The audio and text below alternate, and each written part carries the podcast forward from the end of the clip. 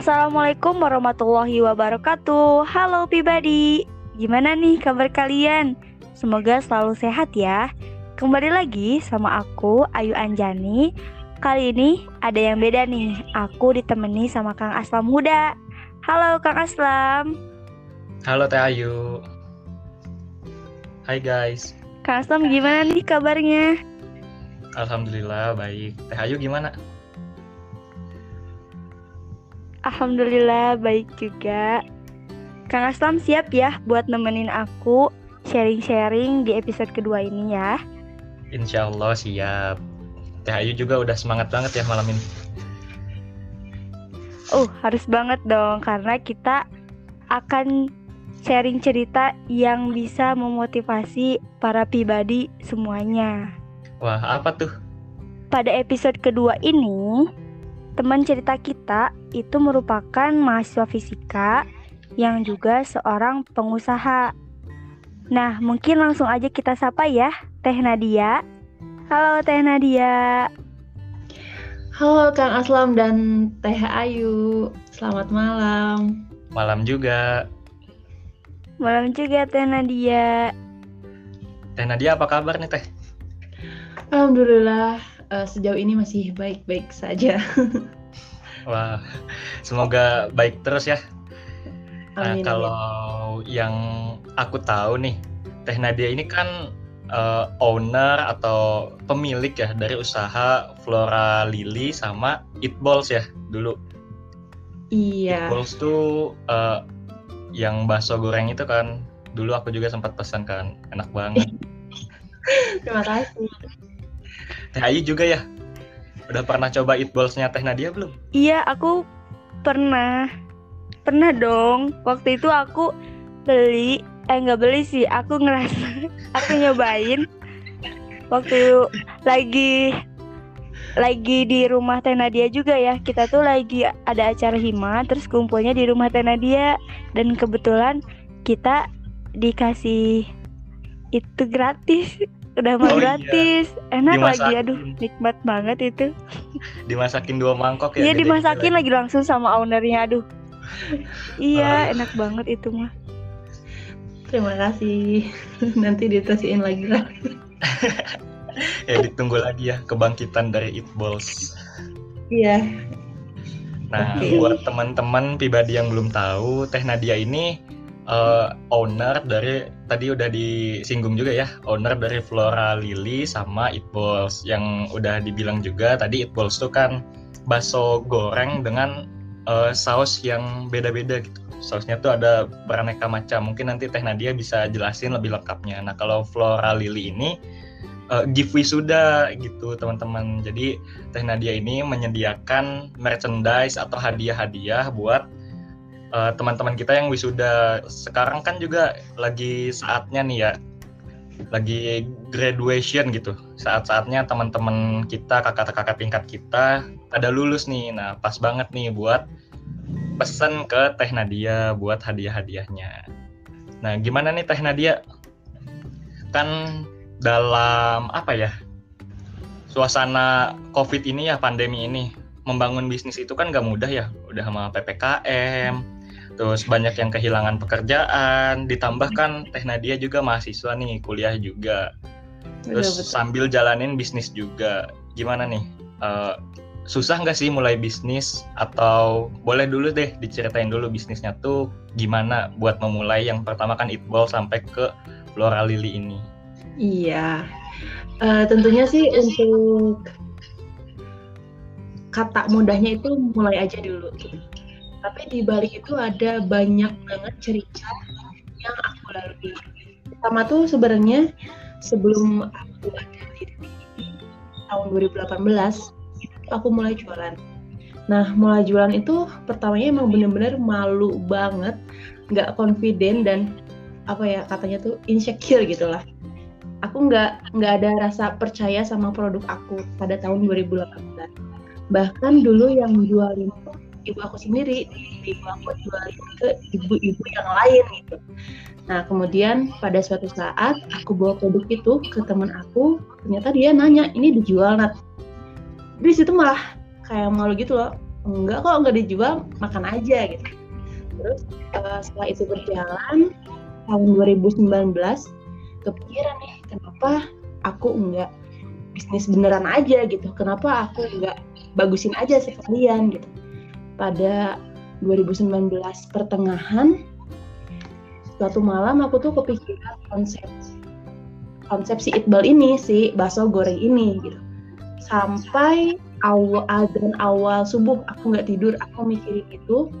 Benar-benar mikirin banget konsep ide aku sampai sampai packing dan lain-lainnya. Tapi itu nggak aku tulis aku tulisnya di otak aku gitu. Akhirnya udahlah aku merasa itu merasa aku udah cocok gitu kayaknya itu bakal maju gitu. Besoknya aku langsung kabari teman aku aku aku butuh painter nih. Aku nggak bisa sendiri gitu. Hubungnya teman aku dia kebetulan teman SD aku ya teman dekat SD dan kebetulan cuma dia yang rumahnya dekat aku gitu. Otomatis kalau kita butuh partner partner kan harus yang dekat kan. Uh, Risma namanya Ris besok kosong nggak? Kosong nih ada apa tumben besok kan kita ketemu aku nyeritain semuanya konsepnya konsepnya kalau nggak salah itu selama tiga minggu lah persiapannya. Minggu pertama aku nyari apa ya nama nih. Nama Iqbal itu sebenarnya mudah banget sih dari kata meatball cuman ya udah M-nya ilangin aja deh Iqbal jadi makan bakso gitu kan istilah oh, logisnya. Oh iya oh iya. iya baru tahu ya kita kan cuman bakso bakso tuh gitu ya udahlah itu aja cari bakso dan itu uh, suatu apa ya produk yang mudah diingat, mudah disebutkan gitu kan. Ya udah jadi langsung kebetulan temen aku tuh bisa apa namanya grafik gitu. Chris bikin logo dong. Gimana? Aku nggak bisa. Seminggu ya, oke okay, seminggu. Uh, seminggu dia bikin logo, bikin desain, dia bikin logo si Iqbal itu sampai jadilah si Iqbal. Seminggu jadi. Nah, minggu kedua supplier kita cari supplier itu sampai belusukan ke pasar-pasar banget bener seminggu itu tuh uh, nyari bakso yang bener-bener enak itu tuh ada beberapa merek bakso yang kita beli jadi nggak langsung kita beli ini udah enggak gitu jadi ada beberapa merek bakso yang kita beli dan mana yang paling dan akhirnya dapatlah kita bakso yang kita cocok enak harganya pas dan suppliernya selalu ada gitu.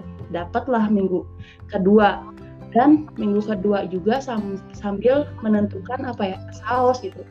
Terus kita harus bikin uh, rasa yang baru nih. Harus bikin rasa yang unik daripada yang lain. Jangan bikin bakso yang biasa. Kalau bakso biasa memang lewat juga banyak gitu kan istilahnya. Bikinlah. Pada saat itu tuh lagi booming tuh uh, saus taichan kan? Nah iya. Iya iya paling saus enak gitu saus taichan tuh lagi booming boomingnya gitu bumi-buminya sate taichan gitu. Ya udah kita bikin saus taichan Yang kedua saus Thailand aja nih aku bisa bikin oke. Okay. terus apalagi masa dua dua rasa? Tambahin lagi akhirnya nambahin garlic chili dan yang ricis itu. Yang iya yang ricis udahlah jadi uh, apa ya mentahnya udah. Kemudian minggu ketiga kita langsung bikin seminggu itu bener-bener digeder banget buat photoshoot, buat iklan foto di Instagram gitu kan.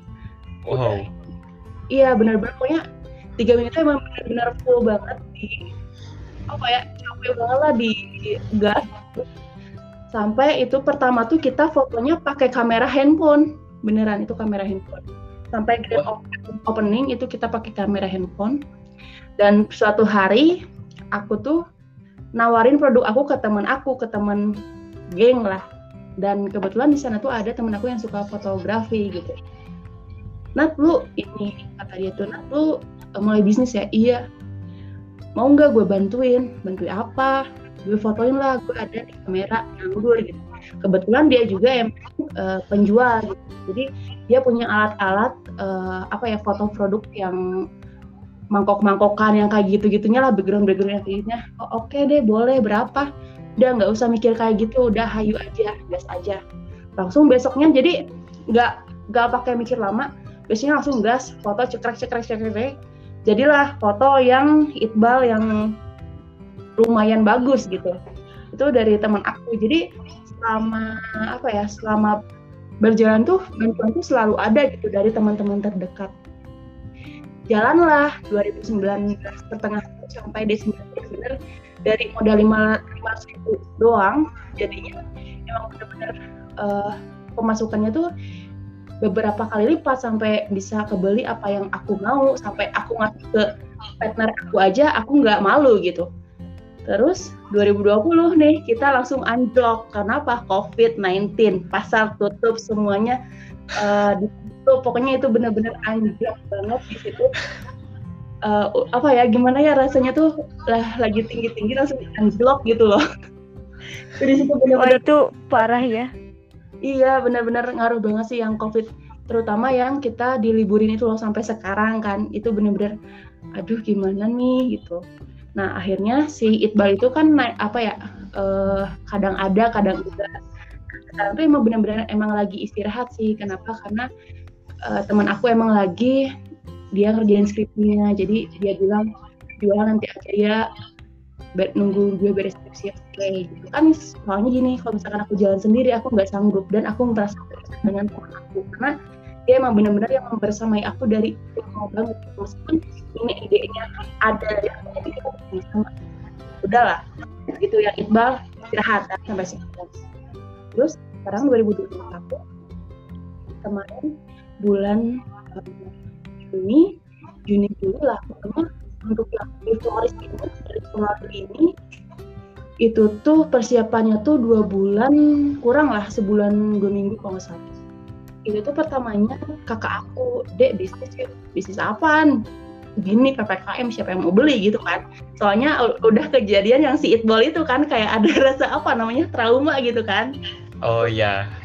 Iya kalau nggak ada yang beli gitu ada ada lah rasa ada rasa apa aja dah yang penting bosen nih soalnya kakak soalnya kakak aku juga uh, kayak dikurangi gitu loh jatah ya, dan jatah kerjanya jadi berkurang gitu kayak ya lah oh ya lah yang apa ya yang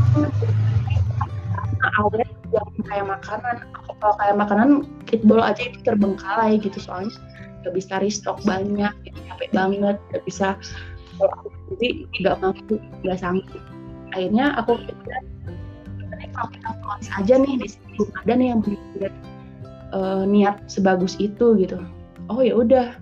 Langsung dua minggu tuh kita apa ya mikirin konsep dua minggu terus produk-produk apa aja yang mau kita apa namanya uh, tampilin yang nggak pasaran dan emang lagi apa ya laris-larisnya lagi hangat-hangatnya dua minggu itu bulan Juli Juni Juli ya Juli kalau nggak salah.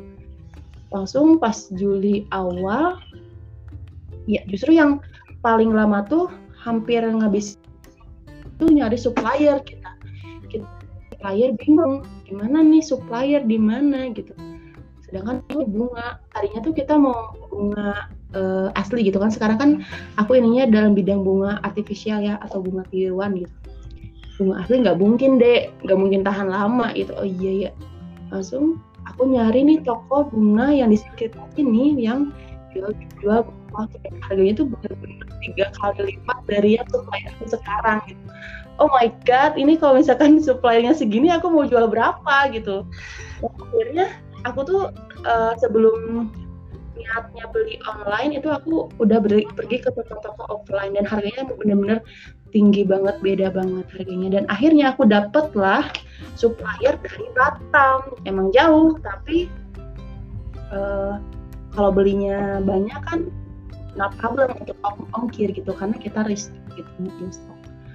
Akhirnya pas dua minggu itu kita udah nyari supplier jadi supplier kita tuh dari mana-mana loh kak. Jadi yang uh, bunganya dari Batam kertasnya dari Probolinggo boxnya dari Jawa Timur uh, apa sih namanya balonnya dari Bekasi. Jadi emang benar-benar dari mana-mana gitu. Itu tuh di suppliernya tuh emang benar-benar kita nyari yang benar-benar yang murah. Soalnya kita mau apa namanya kita mau nyari banyak konsumen kita nggak apa-apa dapat laba sedikit tapi kita punya banyak konsumen gitu. Kita itu mau kita gitu akhirnya seminggu seminggu Hamin kan uh, saya dan kakak saya tuh bikin Hamin tujuh launching, Hamin enam launching gitu kan. Sedangkan Hamin tujuh, Hamin enam tuh kita masih belum apa-apa, masih banyak yang harus dikerjakan kan kita bikin foto produk itu kan foto sendiri ya kita harus mau dulu bikin dulu nunggu dulu paket yang datang itu benar-benar benar-benar belum apa-apa jadi pas seminggu terakhir langsung kita foto produk langsung bikin wrapping bikin bunga yang banyak banget. Di Hamin dua enggak nih Hamin satu tuh masih bikin katalog dan nentuin harga gitu. Jadi emang benar-benar salahnya tuh grand openingnya uh, Hamin tujuh Hamin ini. Itu kurang sih oh dan gitu ya. ya jadi itu kayaknya itu harus jadi apa ya hitungan buat para business yang lain gitu.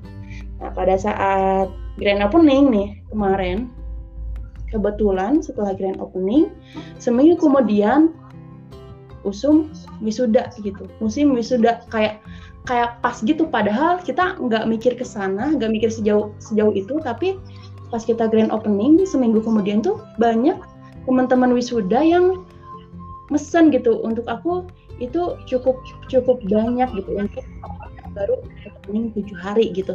Dan alhamdulillah sekarang udah uh, dua minggu tiga minggu jalan gitu udah apa ya udah mulai berkembang gitu si bisnis florist ini. Jadi untuk sampai ke titik ini tuh nggak butuh waktu yang sedikit, maksudnya butuh waktu yang lama nggak sedikit gitu. Bahkan dari aku dari 2018 gitu.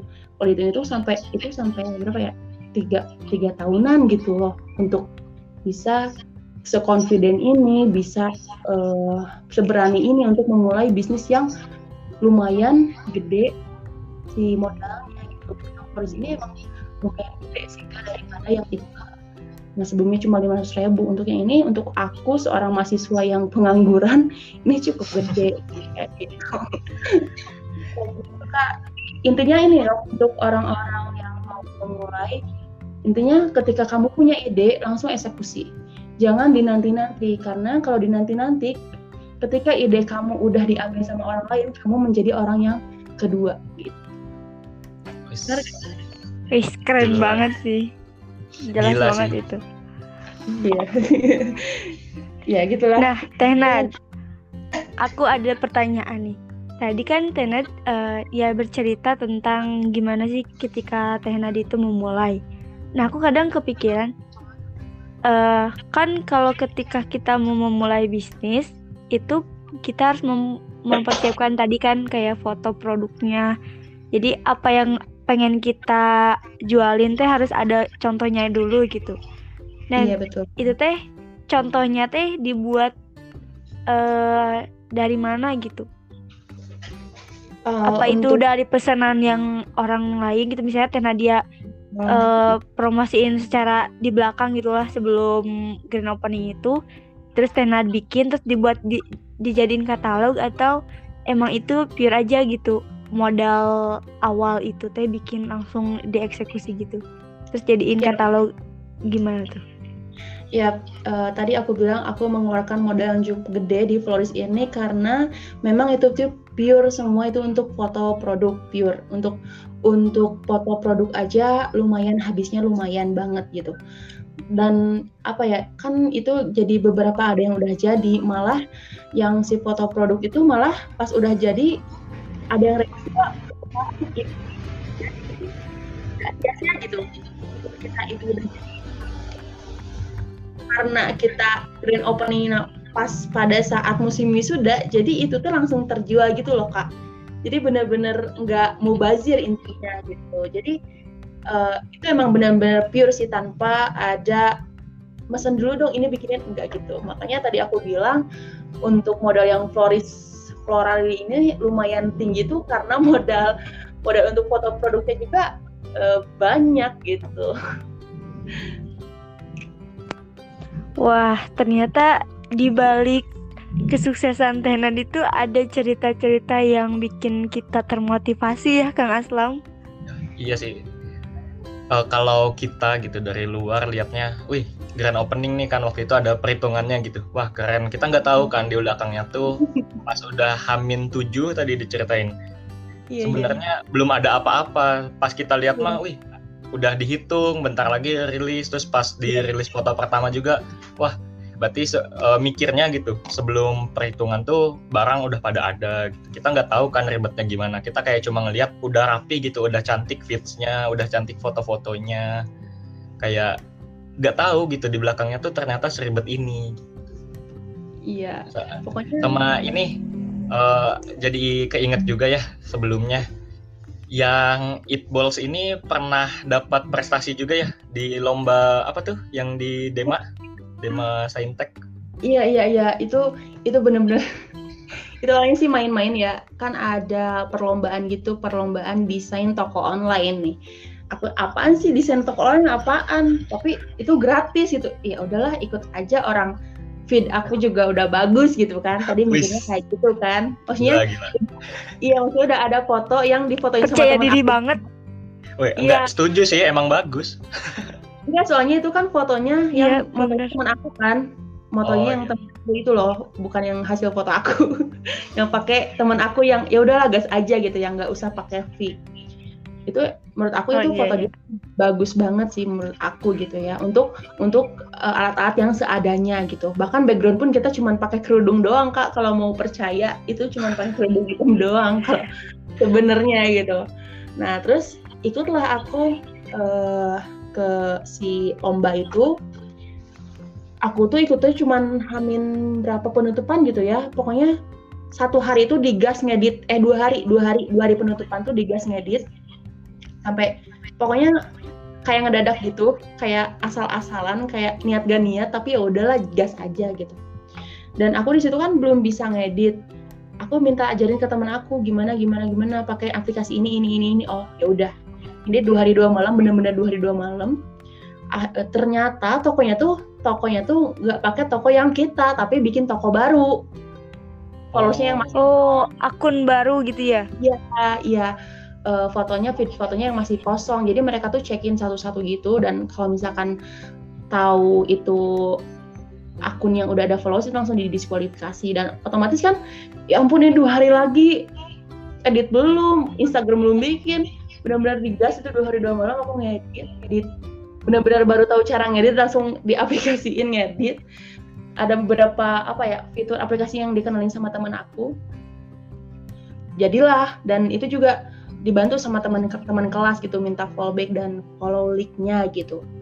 Akhirnya menang lah aku dari sekian banyak peserta menanglah juara ketiga ya iya ketiga. Aku nggak nyangka soalnya pada saat itu aku lagi apa sih namanya? Lagi ada kegiatannya Mas Saifi gitu. Nggak nggak pure buka HP terus gitu. Akhirnya ke minta bantuan ke teman aku mak masuk dong login atas nama Nadia siapa tahu menang gitu kan. Siapa tahu menang judulnya. Ternyata aku nge-SS-in Nat menang ketiga wah serius? Iya. Jadi aku aku bener-bener nggak nonton. Jadi aku tahu menang tuh dari SS-an teman aku yang nontonin gitu ini niat niat gak niat sih sebenarnya Wis. Niat gak niat aja ketiga gimana kalau niat ya? Bisa-bisa Soalnya- langsung juara satu ya Kang Aslam? Jelas. Iya amin amin amin soalnya dua hari gitu harus fit harus rapi harus apa apa itu benar-benar capek banget. Oke. Emang sih aku lihat syarat dari waktu kontes itu juga emang banyak banget gitu syaratnya. Dan alhamdulillahnya tuh dengar kabar gembira gitu ya teman kita ternyata ada yang ikutan dan berhasil gitu ya buat juara. Itu kayak punya keter rasa bangga tersendiri gitu selaku temennya walaupun nggak tahu ya gimana prosesnya. Tapi ketika ada kabar baik kayak gitu jadi ikutan seneng teman-teman kelasnya ya. Iya, Iya, kayak iya, kita pas Nadia minta follow, like gitu juga kita dengan senang hati ya. iya Teman-teman Pancanaka, wah teman kelas kita ada yang ikut nih, dukung, dukung. Jadi pasti ada bangga juga lah kita sebagai teman kelas tahu teman kita satu angkatan ada yang juara di lomba tingkat fakultas. Iya, itu itu juga apa ya?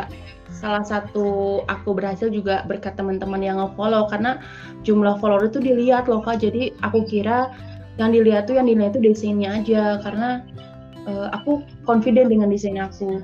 Ternyata ada followers yang lebih tinggi yang followersnya udah nyampe berapa ya? Pokoknya udah hampir seribu lah. Ya udahlah aku kebanting gitu. Ternyata followers followers itu kehitung sama nilai. Aku nggak tahu karena emang nggak ada uh, teknik gitu apa aja yang dihitung gitu. Aku kira kan desain kan desain toko online desain gitu kan.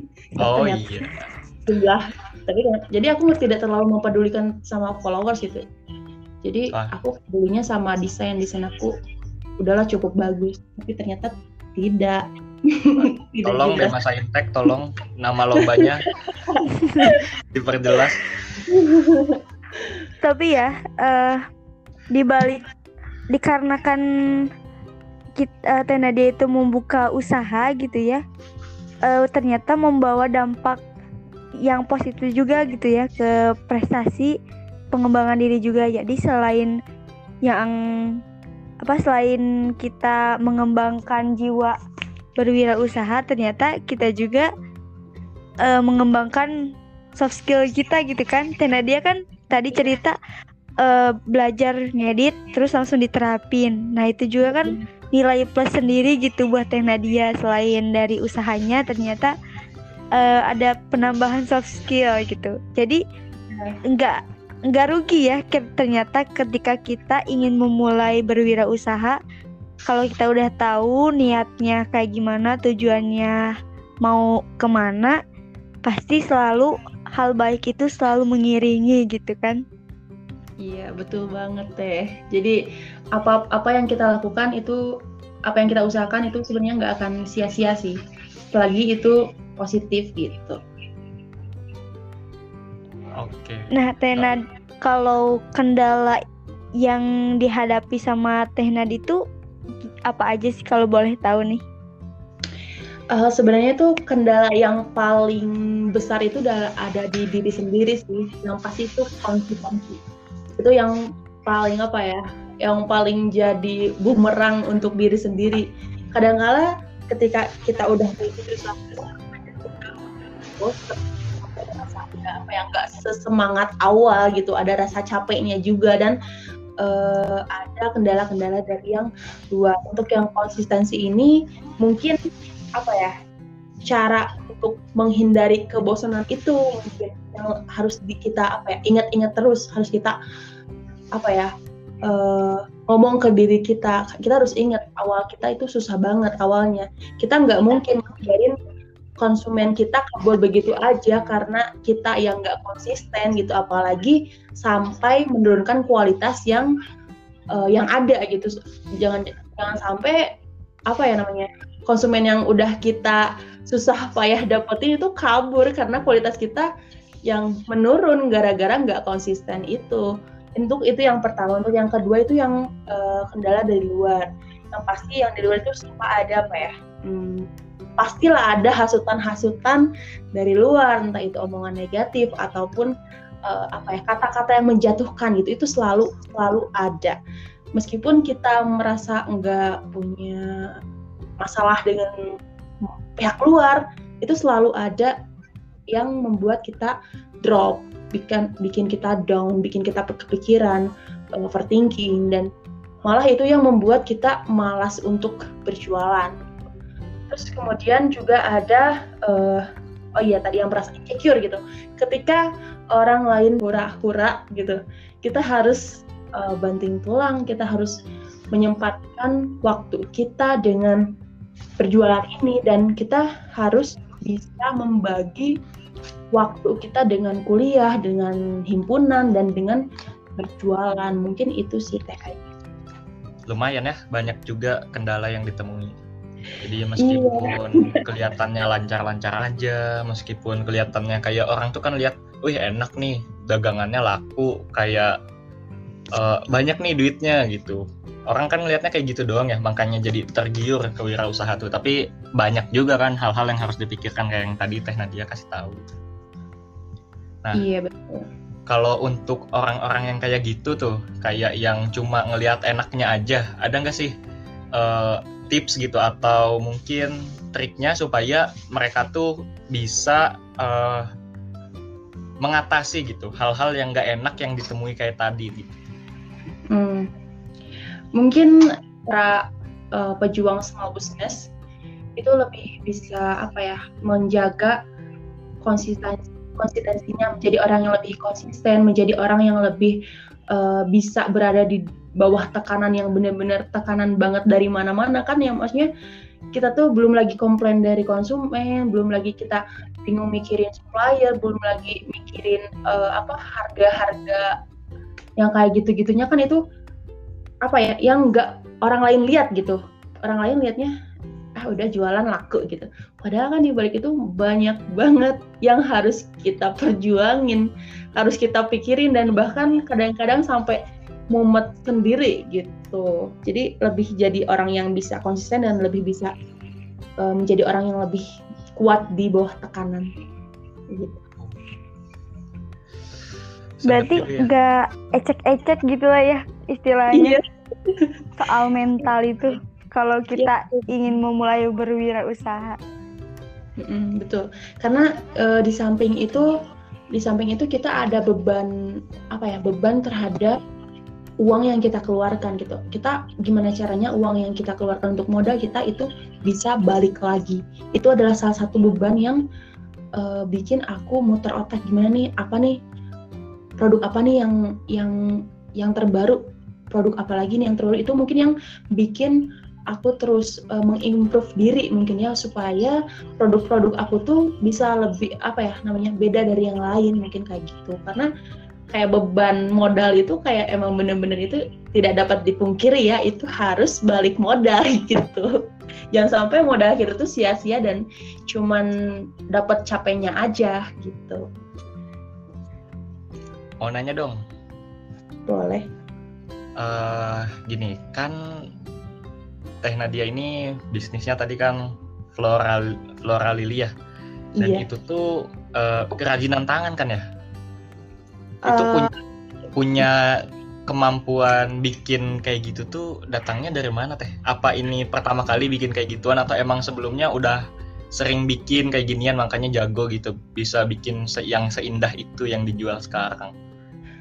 No, tentu itu salah banget. Karena aku nggak pernah ngalamin pengalaman ada di bidang itu. Aku sama sekali belum pernah nge-wrapping sebagus itu. Dan pada saat yang tadi kan aku uh, mulai itu sebulan lebih lah, dua bulan kurang sebulan dua minggu. Nah, ada dalam satu satu minggu itu aku terus belajar sama kakak aku nge-improve be- berapa kertas ya rusak itu kita latihan selama, selama seminggu pokoknya yang makanya aku tadi bilang hamil seminggu itu belum apa-apa karena kita masih gagal nge-wrappingnya masih salah-salah berapa lembar kertas kita rusak berapa lembar kertas kita buang-buang sedangkan harga kertas selembarnya aja udah cukup mahal gitu. Mungkin jadi apa ya itu pengalaman aku pertama kali gitu langsung aku jual. Gede banget nyalinya. Gila sih. Kirain tuh sebelumnya kayak misal ayah atau ibu emang pengrajin di bidang itu kayak atau pernah ada keluarga yang punya bisnis di bidang itu terus pernah bantu-bantu makanya berani buka bisnis ini gitu. Ternyata emang mulai dari nol gitu. Iya bener-bener dari nol banget. Aku nggak punya skill apa pun di bidang itu. Aku nggak ngerti bunga apa pun. Aku pokoknya bener-bener yang pas aku nyari supplier dan bingung bunga apa aja yang harus aku pilih gitu. Itu aku bingung ini apa sih ini bunga apa sih gitu kan tapi selama sebulan lebih itu aku sambil belajar sambil uh, ningkatin skill yang aku bisa emang bener-bener capek banget tuh bener-bener capek kan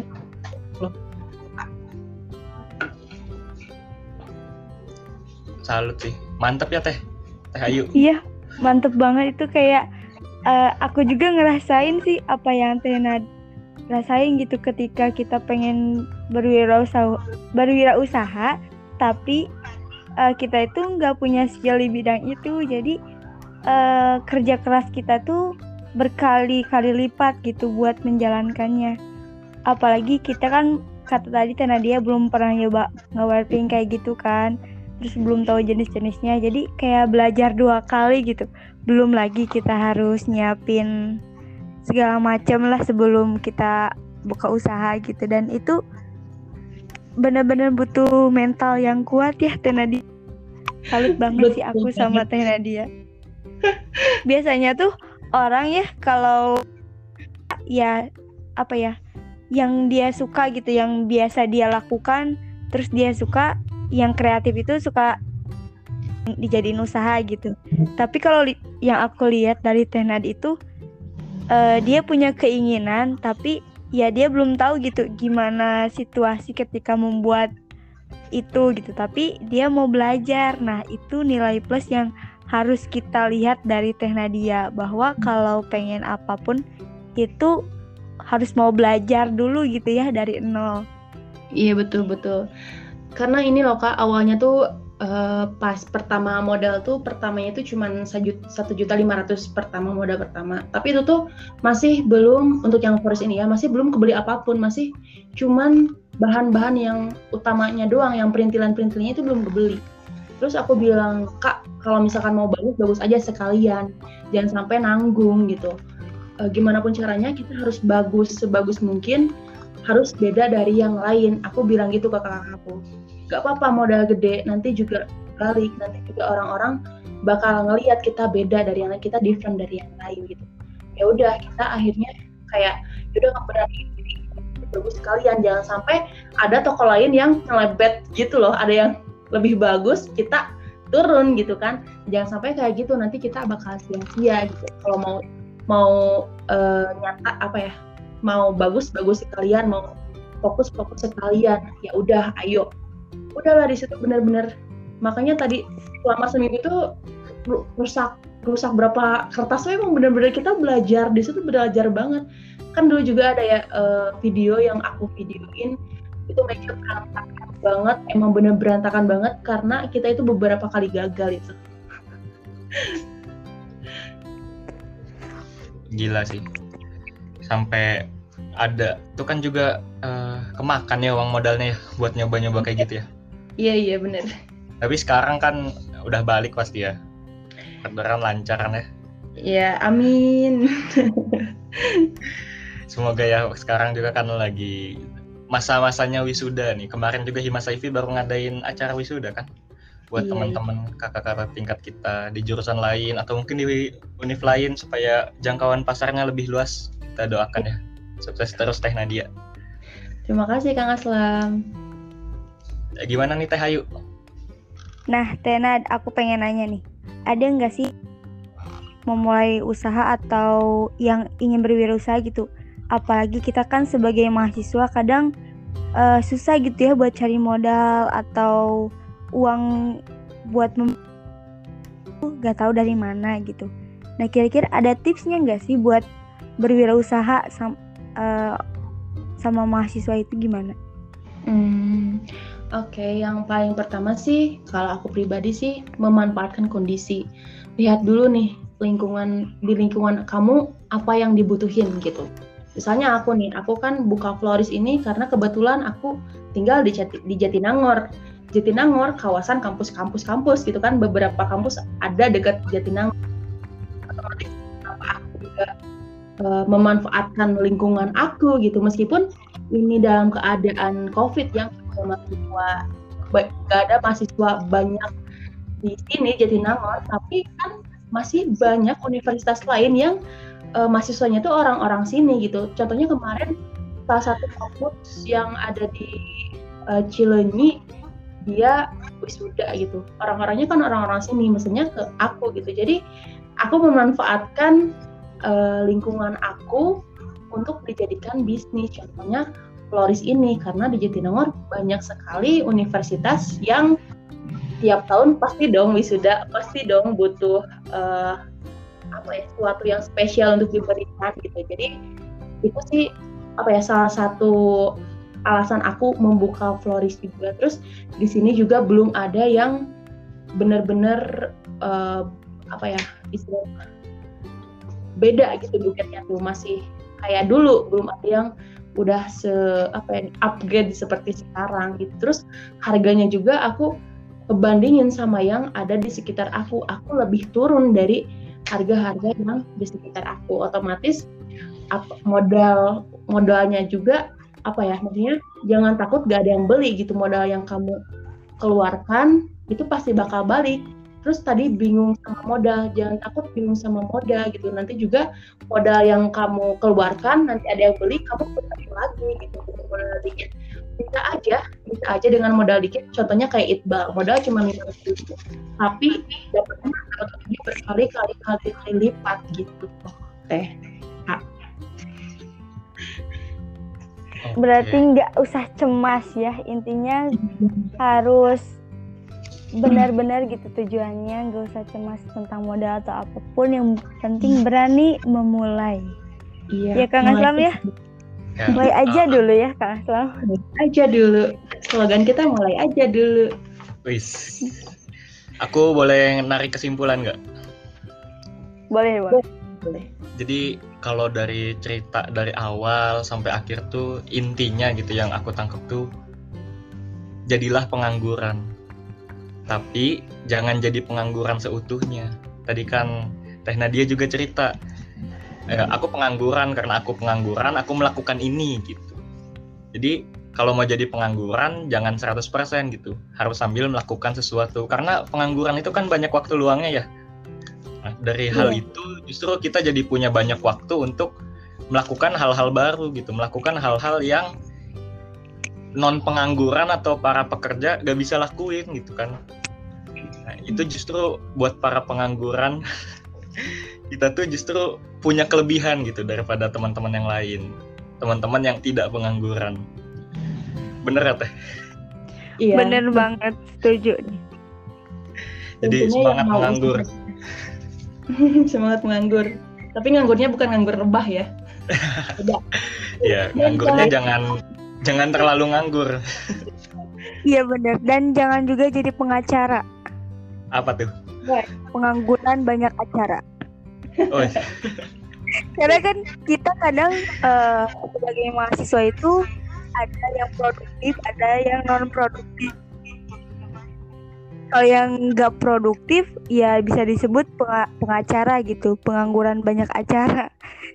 Jadi nggak tahu pemasukan dari mana tapi pengeluaran eh, itu iya pengeluaran itu banyak gitu makanya eh, untuk mahasiswa ingin berproduktif kita bisa mulai dari berwirausaha karena eh, kita juga sebagai mahasiswa itu sering dikaitkan dengan agen of change. Nah, kenapa kayak gitu? Karena jadi mahasiswa itu diharapkan mampu menjadi motor perubahan dalam menghadapi masalah-masalah yang tengah terjadi. Nah, salah satunya itu ya ini eh pandemi COVID-19. Jadi biar kita selalu produktif gitu ya jadi mahasiswa, kita bisa untuk berwirausaha gitu. Tadi kata Nadia eh, kenali dulu di lingkungan kalian apa yang dibutuhkan gitu ya buat memulainya. Terus kalau udah tahu apa yang dibutuhkan sama lingkungan kita, langsung kita eksekusi nih kalau udah ada idenya. Kita juga bisa cari partner ya, enggak sendiri juga. Ya apa kata Teh Nadia tadi? Jadi enggak capek sendiri gitu ya. iya betul betul Jadi merasa terbantu gitu kalau ada partner pun misalnya pengen sendiri mencoba dulu ya. Boleh tuh ke teman-teman coba dulu sendiri. Terus nanti teman-teman persiapkan dari mulai katalognya, fotonya, produknya itu kayak gimana, sampai mikir ke packaging ya, Teh Nadia. iya betul sampai punya sampai finishing semua Nah, Nah. tapi Teh Ayu sebelum nyampe ke titik itu kan Teh Nadia juga sempat pasti kayak teman-teman yang lain yang belum memulai bisnis kan. Kayak tiga bulan tuh Teh Nadia masih malu bahkan jualannya aja nggak diakui gitu. Ini dijual Iya, nggak? Enggak gitu kan. Ya sama gitu. Sama kayak kita-kita ini yang belum pernah mulai. Pasti di awalnya ada hal itu. Nah, tugas kita harus melewati hal itu gitu kan Teh? betul betul kak. Jadi Soal- kita kalau kita udah melewati hal itu ya kita bisa improve diri kita ya teh. Betul. Mungkin jadi uh, bisnis dan nggak percaya diri tapi ketika ada yang beli dan pembeli itu berkomentar positif kamu bakalan bangga sama bisnis kamu. Itu sih percaya sama aku jadi laku, lakuin aja nanti kamu bakal ngerasain hal itu nah gitu teman-teman jadi yang penting mulai dulu aja gitu nggak mulai juga gak apa-apa tapi ya setidaknya uh, kita bisa lewatin dulu tahap malu kita setelah itu itu bakal improve diri kita lebih ke menjadi diri kita yang lebih baik. Yeah. Nah, benar banget. Setuju sama Teh Nadia dan Kang Aslam. Jadi kalau kita tahu lah passion kita itu di mana gitu. Kalau kita kalau misalnya di dalam diri kita udah ketemu nih passion jualan kita, insya Allah lah gitu. Rasa malu ataupun rasa bingung, ragu itu bakalan teratasi sama kayak Teh Nadia alami kayak gitu. Oke. Gak kerasa nih kita bertiga udah ngobrol udah sejam lebih nih. Gak kerasa ya asik banget soalnya. Apalagi bahas soal bisnis, soal cuan gitu kan ya. Siapa yang gak suka cuan? Cuan. Termotivasi banget ya ngedenger cerita yeah. pengalaman dari teman cerita kita di episode yeah. ini. Kita juga jadi tahu kalau di bisnis atau wirausaha tuh nggak cuma duit gitu nggak cuma enaknya aja nggak cuma fit rapih tuh di belakangnya tuh ada apa gitu kita jadi tahu buat memulai itu kayak gimana. Dan ternyata orang yang kita lihat hebat dalam berbisnis dulunya juga bahkan nggak mengakui dagangannya sendiri gitu kan. Nggak siapa yang ya, nyangka bener. kayak gitu kan? Betul Jadi betul. malam ini. Nah itu pengalaman dari cerita teman kita episode 2 ini. Semoga cerita dari Tenad ini memberikan inspirasi untuk kita sebagai mahasiswa yang ingin berwirausaha, punya niatan berwirausaha untuk segera mengeksekusi niatan tersebut karena kita harus mulai aja dulu ya. Nah, nggak kerasa nih, udah satu jam lebih kita ngobrol bareng-bareng. Kayaknya kita akhiri aja cerita kali ini. Untuk Teh Nadia, terima kasih udah cerita pengalaman Teh Nadia untuk memulai bisnis. Semoga kita ketemu di pembahasan-pembahasan yang lain yang tentunya lebih menarik dan juga memotivasi pribadi semuanya. Nah, kami ucapkan terima kasih kepada Teh Nadia udah mau cerita-cerita Semoga ketemu lagi di episode selanjutnya ya Teh Nadia. Ya, terima kasih juga kepada Kang Aslam dan Teh Ayu. Seru banget kita ngebahas banyak banget dari A sampai Z, dari start sampai finish. Banyak banget yang aku share ke teman-teman tentang pengalaman aku selama 3-4 tahun terakhir ini. Dan semoga itu bisa menjadi motivasi untuk para pejuang small business yang lain gitu untuk memulai apa yang dia inginkan kayak gitu. Yo, semangat guys. Semangat semuanya. Sampai jumpa di episode selanjutnya. Bye bye, pribadi. Dadah semuanya.